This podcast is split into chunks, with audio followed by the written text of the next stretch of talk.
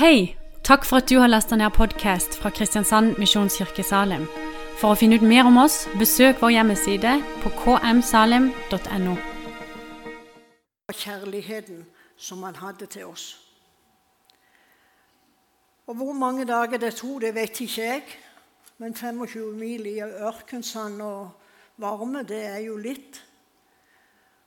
Og han var helt sikker, kan jeg tenke meg, innom Kapernaum. Det er ca. 6,5 mil fra Cicerea Filippi. Og det var vel kanskje en naturlig plass. Han hadde vennene sine der og stoppe. Og sånt var det mange plasser. Gikk forbi veien inn til Nasaret. Han gikk forbi med Tiberias. Han har sikkert vært innom mange av disse forskjellige plassene på veien. Så Jeg vet ikke hvor lang tid det tok, men det tok nok noen dager. Og så kommer palmesøndag, og Jesus rir inn i Jerusalem. Der er en fest, der er en hyllest. Og han tillater at dette skjer, samtidig som han vet at de samme menneskene skal rope bare noen få dager etterpå 'Korsfest, korsfest'. Men Jesus han gikk og lot seg hylle. Og så kommer skjærtorsdagen. Disiplene gjør ferdig det som skal gjøres ferdig. Jesus hadde talt til dem om sin lidelse og død, oppstandelse, himmelfart, sin gjerning i himmelen og sin tilbakekomst. Og så kommer vi inn i kapittel 13 i Johannes evangeliet. Og der hørte vi litt Det var vel du som nevnte det innledningsvis. Hvordan Jesus vaska disiplene sine føtter. Den gjerninga som var den laveste som fantes i Israel Ikke engang en jødisk tjener var, gjorde det. Det var slavene, de hedenske slavene som hadde jobben å vaske føttene til gjestene som kom inn. Jesus bøyde seg ned og gjorde det. Og så sier han til disiplene sine.: Lær av meg å gå dere og gjøre akkurat det samme. Vær hverandres tjener. Etter, etter fotvasken så har Jesus en lang tale i, hvis vi går til Johannes, i Johannes 14, 15 og 16. Der taler Jesus om det som som eh, er viktig for, for han å få sagt til disiplene sine. Og jeg synes Han starter med kapittel 14, og så sier han Er deres hjerte forferdes ikke. Tro på Gud og tro på meg. I min fars hus er det mange rom. Hvis det ikke hadde vært sånn, så hadde jeg sagt det til dere. For se, jeg går bort og bereder et sted for dere. Og når jeg har gått bort og beredt et sted for dere, da kommer jeg tilbake for å ta dere til meg, for at dere skal være der som jeg er. Og hvor, dere, hvor jeg går, der vet dere veien. Så har vi Thomas tvileren, og så sier han, Thomas til han, ja, men hvordan kan vi vite veien? Og så svarer Jesus dette kjente verset i Johannes 14, eh, 14,6. Det verset som du, Kristian, eh, hadde på podkasten når Oddvin spurte deg om veien til frelse. Og så sa du at det var bare én vei. Og det er det som Jesus sa. Jeg er veien, sannheten og livet. Ingen kommer til Faderen uten igjennom meg. Etter, og, flere, Hvis du leser hele kapittel 15, så er det om vintreet og greinene hvor Jesus sier uten meg kan dere ingenting gjøre. Men når dere er som ei grein i, i, meg, så skal dere bære frukt. Og dere skal bære mye frukt. For jeg renser greina. Og det var ett vers, det var vers tre. Og, og det var på Ansgar. Bjørn Øyvind var da førstelærer, tror jeg. Stemmer det? Tror det. Bjørn Ovesen var, var rektor. Ja, tror det. Jeg, var, jeg, hadde et, eh, ja, jeg hadde et oppgjør Gud hadde et oppgjør med meg. Og etter det oppgjøret så ble jeg så fryktelig redd for å miste frelsesfryden. Jeg tror jeg har hatt det mest sånt en gang før i en tale. Fryktelig redd for å miste frelsesfryden. Og dermed så begynte jeg å kave. Og jeg las, og jeg ba, og jeg fasta, og jeg ga. Det var et forferdelig strev. Og jeg sa, 'Gud, hvis ikke du frir meg ifra dette, så orker jeg det ikke.' Og så sitter jeg og leser Johannes 15 om vintreet og greinene. Og så kommer det i vers 3.: Dere er alt trene på grunn av det ord som jeg har talt til dere. Og vet du, det har satt meg fri ever since. Jeg har aldri trodd siden da, nei, tvilsiden da på at jeg er Guds barn, og jeg er der bare nåde. Jeg er det kun for det Jesus gjorde på sin frelsesvei. For han oppe med Cicarea Filippi sa til disiplene sine Se, vi går opp til Jerusalem. Så kommer kapittel 17 med Jesu ypperste prestelige bønn. Og Det er så mye som Det er jo mange taler, bare, bare det kapittelet der. Og det er så mye Når jeg ser på det gang etter gang, så sier Jesus jeg vil at de skal være sammen med meg. Far, jeg vil at de skal være sammen med meg. Jeg vil at de skal få lov å være ett. Sånn som vi er ett, så skal de være ett med oss. Når jeg satt og tenkte på dette her At Jesus vil være ett med meg og Faderen. Sønnen vil være ett med meg og Faderen. Det er sant jeg, jeg kan ikke forklare hvordan det føles. Den hellige ånd viser de forskjellige, og de forskjellige har forskjellige følelser på det. Men jeg ble så overvelda at jeg kjente bare hvordan tårene rant. Jesus vil at du og meg skal være ett med han. Og så på toppen av det hele så vil han at vi skal gjøre de gjerninger som han har gjort. Det er en tanke, det er en uh, helt uforståelig for min tanke, men det er ikke så mye min tanke forstår. Og så er det dette her, det er ikke så viktig om vi forstår det. For det spørs ikke om vi forstår det, men det spørs om én ting. Tror du det? Tror du det? Det er det som gjelder. De siste versene i eh, Johannes 17 de synes jeg, Hele Johannes 17 er jo sterk, men jeg vil lese de siste versene. Den herlighet du har gitt meg, har jeg gitt dem, for at de skal være ett, slik som vi er ett jeg i dem, du i meg, så de helt og fullt kan være ett. Da skal verden skjønne at du har sendt meg, og at du elsker dem slik du har elsket meg. Far, du har gitt meg dem, og jeg vil at de skal være der jeg er, så de kan få se min herlighet den herlighet som en innbåren sønn har fra sin far, full av nåde og sannhet. Og så står det i siste verset.: Rettferdige Far, verden kjenner deg ikke, men jeg kjenner deg. Og disse vet nå at du har sendt meg. Jeg har gjort ditt navn kjent for dem og skal fortsatt gjøre det, for at den kjærlighet du har til meg, kan være i dem, og jeg selv kan være i dem. Den kjærlighet Faderen har til Sønnen, det er den kjærlighet Han har gitt deg og meg, for at den kjærligheten skal være i oss, og vi kan være i Han. Altså, Det er jo merkelig at ikke vi roper halleluja. Det, så, det, jeg, jeg kjenner det bobler litt sånn inni. Jeg sa det til en annen lærer, Nils Grimstad. Han hadde hatt time om, om Kristus. Og så sa jeg det til han etterpå. Jeg holdt på å si halleluja i timen, men jeg turte ikke. Så sa han, 'Hvorfor sa du det ikke?' Vi er veldig redd for å gi uttrykk.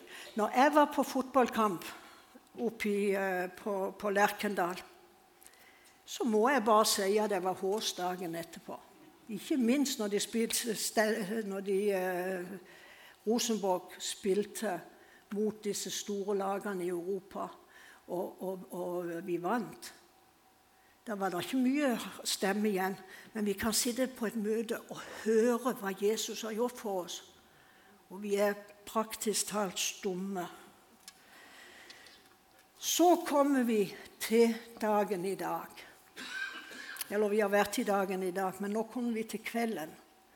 Når disiplene sammen med Jesus skal ha jødenes viktigste måltid gjennom året, påskemåltidet.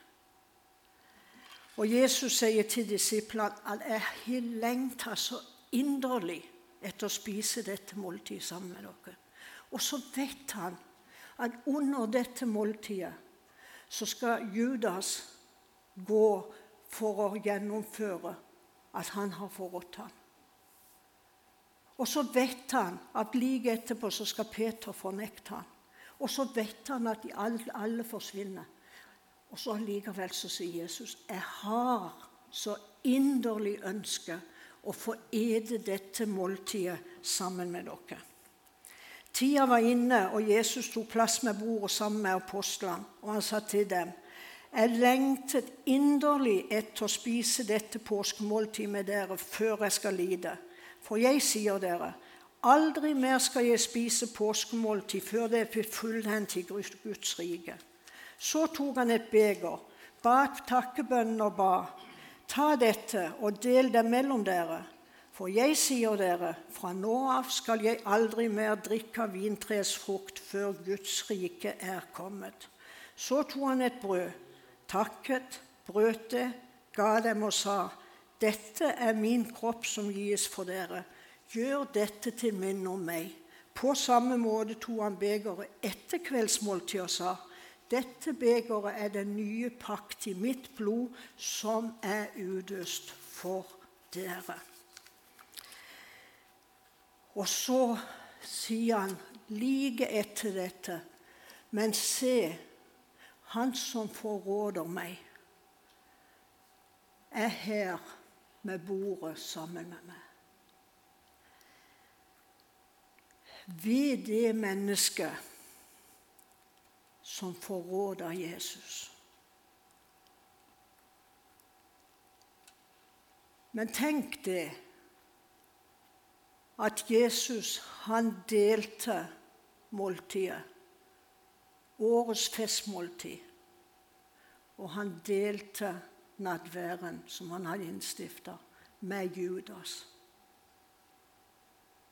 Hvor lett har ikke vi for å lure på hvor i all verden går den til nadvær?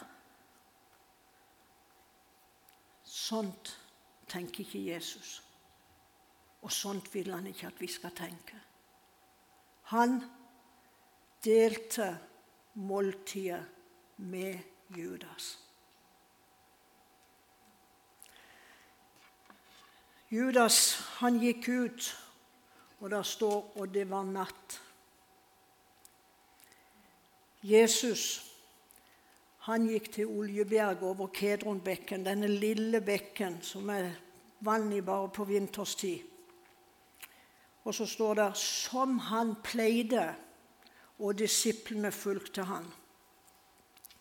Da han var kommet fram til stedet der, sa han til dem, Be at dere ikke må komme i fristelse. Han slet seg fra dem så langt som et steinkast. Dette er i Lukas 22. Matteus sier han ble grepet av sorg og gru og ba ut. Min sjel er tynget til døden av sorg. Videre står det han falt på kne og ba. Far, om du vil, så ta dette begeret fra meg. Men la ikke min vilje skje, men din. Da var det en engel som viste seg fra himmelen og styrka han. Og han kom i dødsangst og ba enda mer inntrengende, så sveiten falt som blodstråpe til jorda. Og akkurat det er det forska en del på. Det er umenneskelige anstrengelser som kan føre til bloddryppende smerte. Jesus kjempa, disiplene sov. Åssen er det i dag? Og jeg måtte tenke med meg sjøl kjemper jeg troens kamp?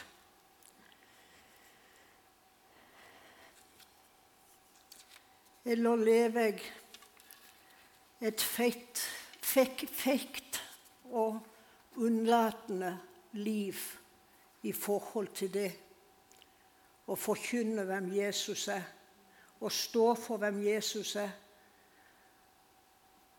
og stå for hva Jesus ønsker at vi skal være.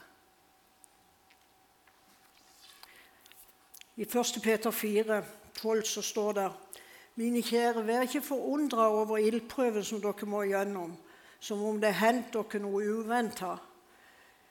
Gled dere mer jo mer, gled dere jo mer dere får del i Kristi lidelse, så dere også kan juble av glede når Han åpenbarer seg i sin herlighet. Salige er dere når dere blir spottet for Kristi navns skyld. For Guds ånd, herlighetens ånd, hviler over dere. Og så slutter Peter med å si, men lider noen fordi han er en kristen, skal han ikke skamme seg, men prise Gud for dette navnet.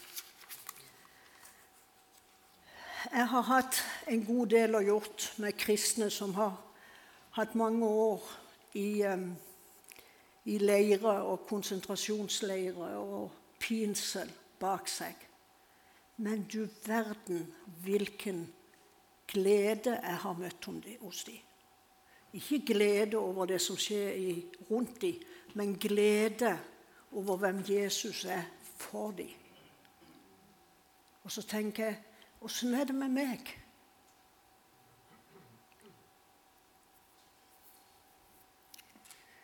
Hvor mye glede har jeg over at Jesus er for meg? Hvor mye tenker jeg på det? Hvor mye tenker du på det? Hvor mye er du opptatt av det? Hvor mye når vi er sammen, snakker vi om det? Nå har ikke jeg barnebarn, og da jeg snufsa litt over at det gikk opp for meg at vi aldri kom til å få det, så fikk jeg til svar fra min mann at det var helt naturlig når en ikke hadde barn. Og det er det jo. Helt naturlig når en ikke har barn og barnebarn. Men det er andre ting som jeg er opptatt av å fortelle om og vise. De som har barn og barnebarn, der får en se bilder av alle disse nydelige menneskene. Nyfødte, flotte, som, som de kan få lov til å lære at de, å kjenne Jesus. Um, men hva er vi opptatt av i dagliglivet vårt?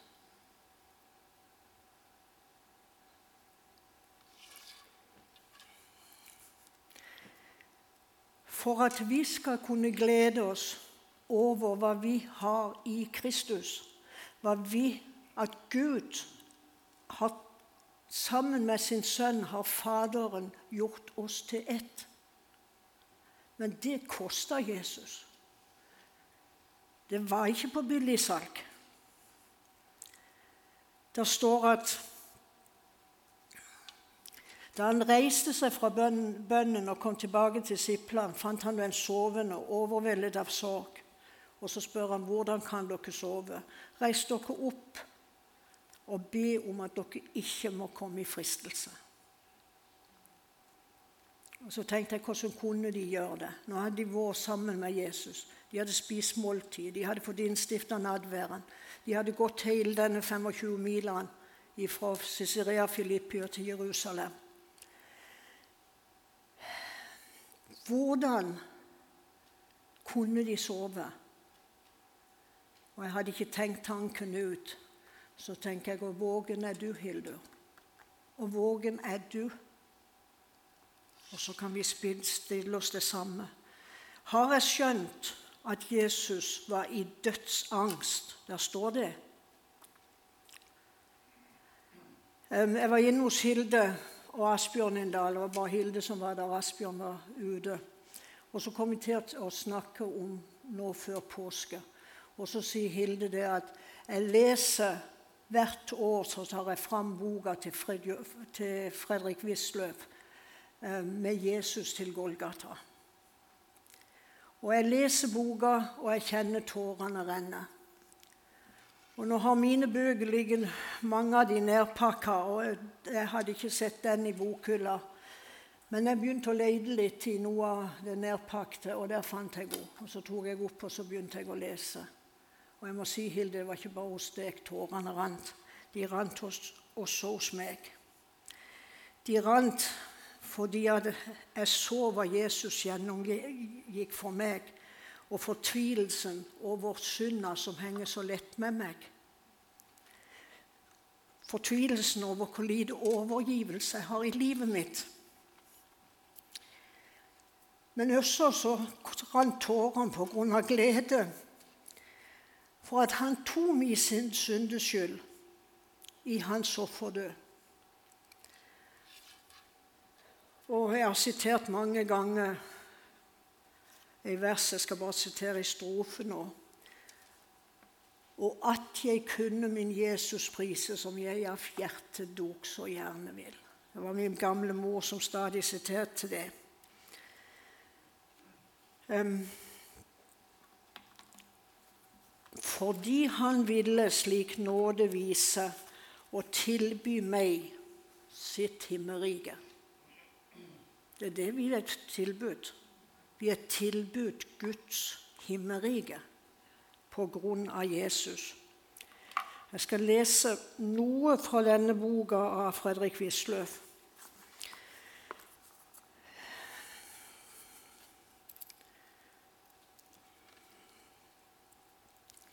Vi er inne i hva Markus sier. Han falt ned på jorden.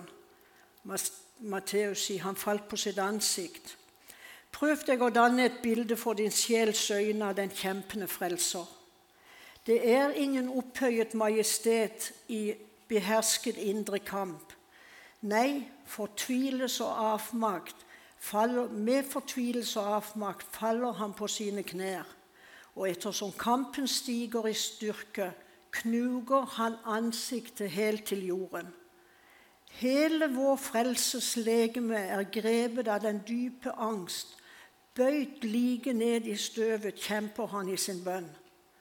Følger vi Jesus videre i kampen, får vi se hvordan det stiger i styrke.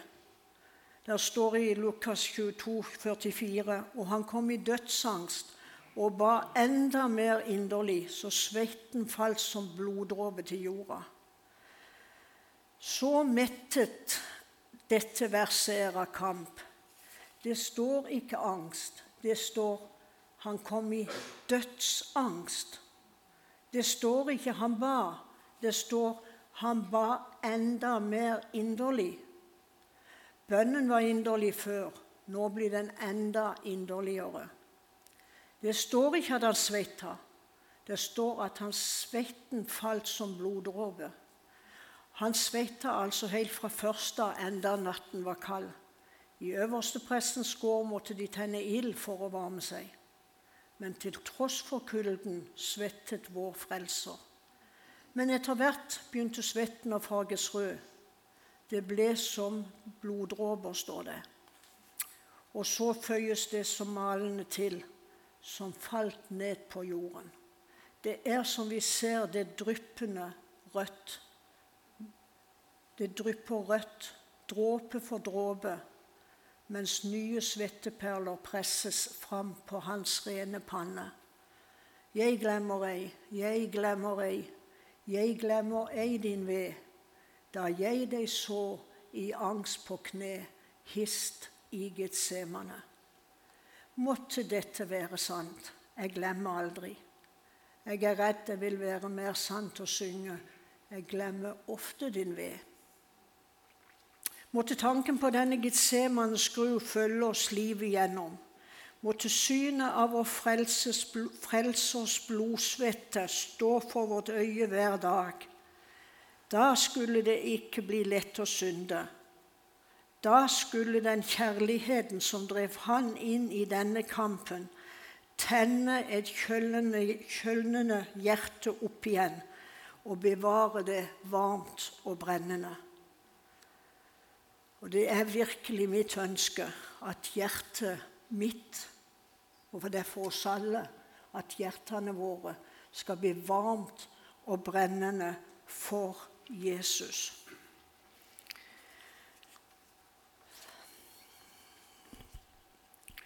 Jeg leser litt til ifra, ifra først fra Hebreerbrev 5,7. Da Jesus levde som menneske, bar han fram bønner og nødrop med høye skrik og tårer til ham som kunne frelse ham fra døden. Og han ble bønnhørt. Det syns jeg er rart. Det står 'han ble bønnhørt'. Hvor forferdelig også dette Getsemane-bildet er. Høye rop og tårer, bønner og nødrop om frelse fra døden men så føyes det så herlig til og han ble bønnhørt. Hvilken underlig bønnhørelse. Så ganske annerledes enn han hadde tenkt. Han ba, 'Frels meg fra døden', men han døde. Han ba, 'La denne kalk gå meg forbi', men han drakk kalken. Han ville be, 'Frels meg fra denne time', men timen kom den lange og forferdelige.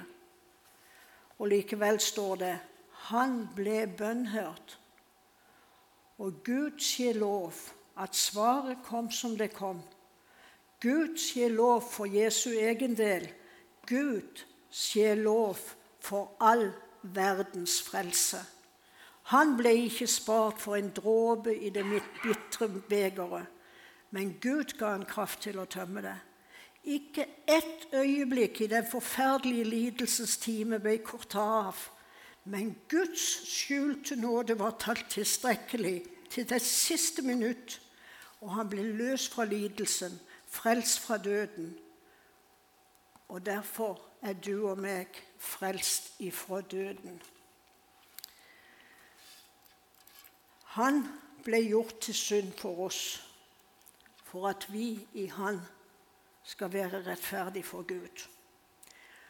Og når han reiser seg fra Getsemane-kampen, så er det som en helt annen styrke i han.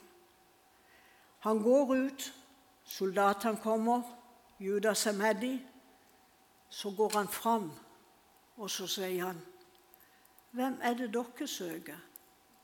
Og så svarer de, Jesus fra Nasaret. Det er meg, svarer han. Det er meg, her er jeg. Så forskjellig fra dødskampen, når han med høye rop ropte om utfrielse. Nå var han klar for å gå den veien. Vi har sluppet godt, og vi for evighet skal slippe å gå. Han visste han skulle lide soningsdøden. Han visste bare ikke hva døden innebar, for Jesus hadde aldri synda. Selv som et lite barn som løp vilt og rundt i Nasaret, gjorde han ikke ei synd.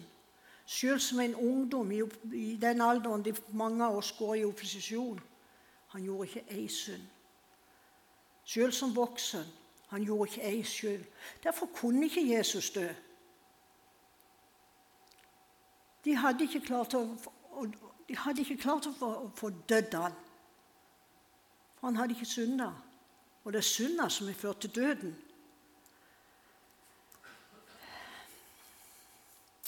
Døden er et resultat av ulydighet i Edens hage. Jesu lydighet førte til liv for alle som tror på Han. Før Ali setter på en uh, sang, så skal jeg lese tre vers fra Romerne 5, de tre siste versene fra Romerne 5. Slik det ene menneskets ulydighet gjorde de mange til syndere, skal nå den enes lydighet gjøre de mange rettferdige. Loven kom til for at fallet skulle bli stort, men der synden er stor, der er nåden enda større. Hørte dere det? Der synden er stor, der er nåden enda større. For slik som synden hersket gjennom døden, skal nåden herske gjennom rettferdigheten og gi evig liv ved Jesus Kristus, vår Herre. Det er sannheten om oss.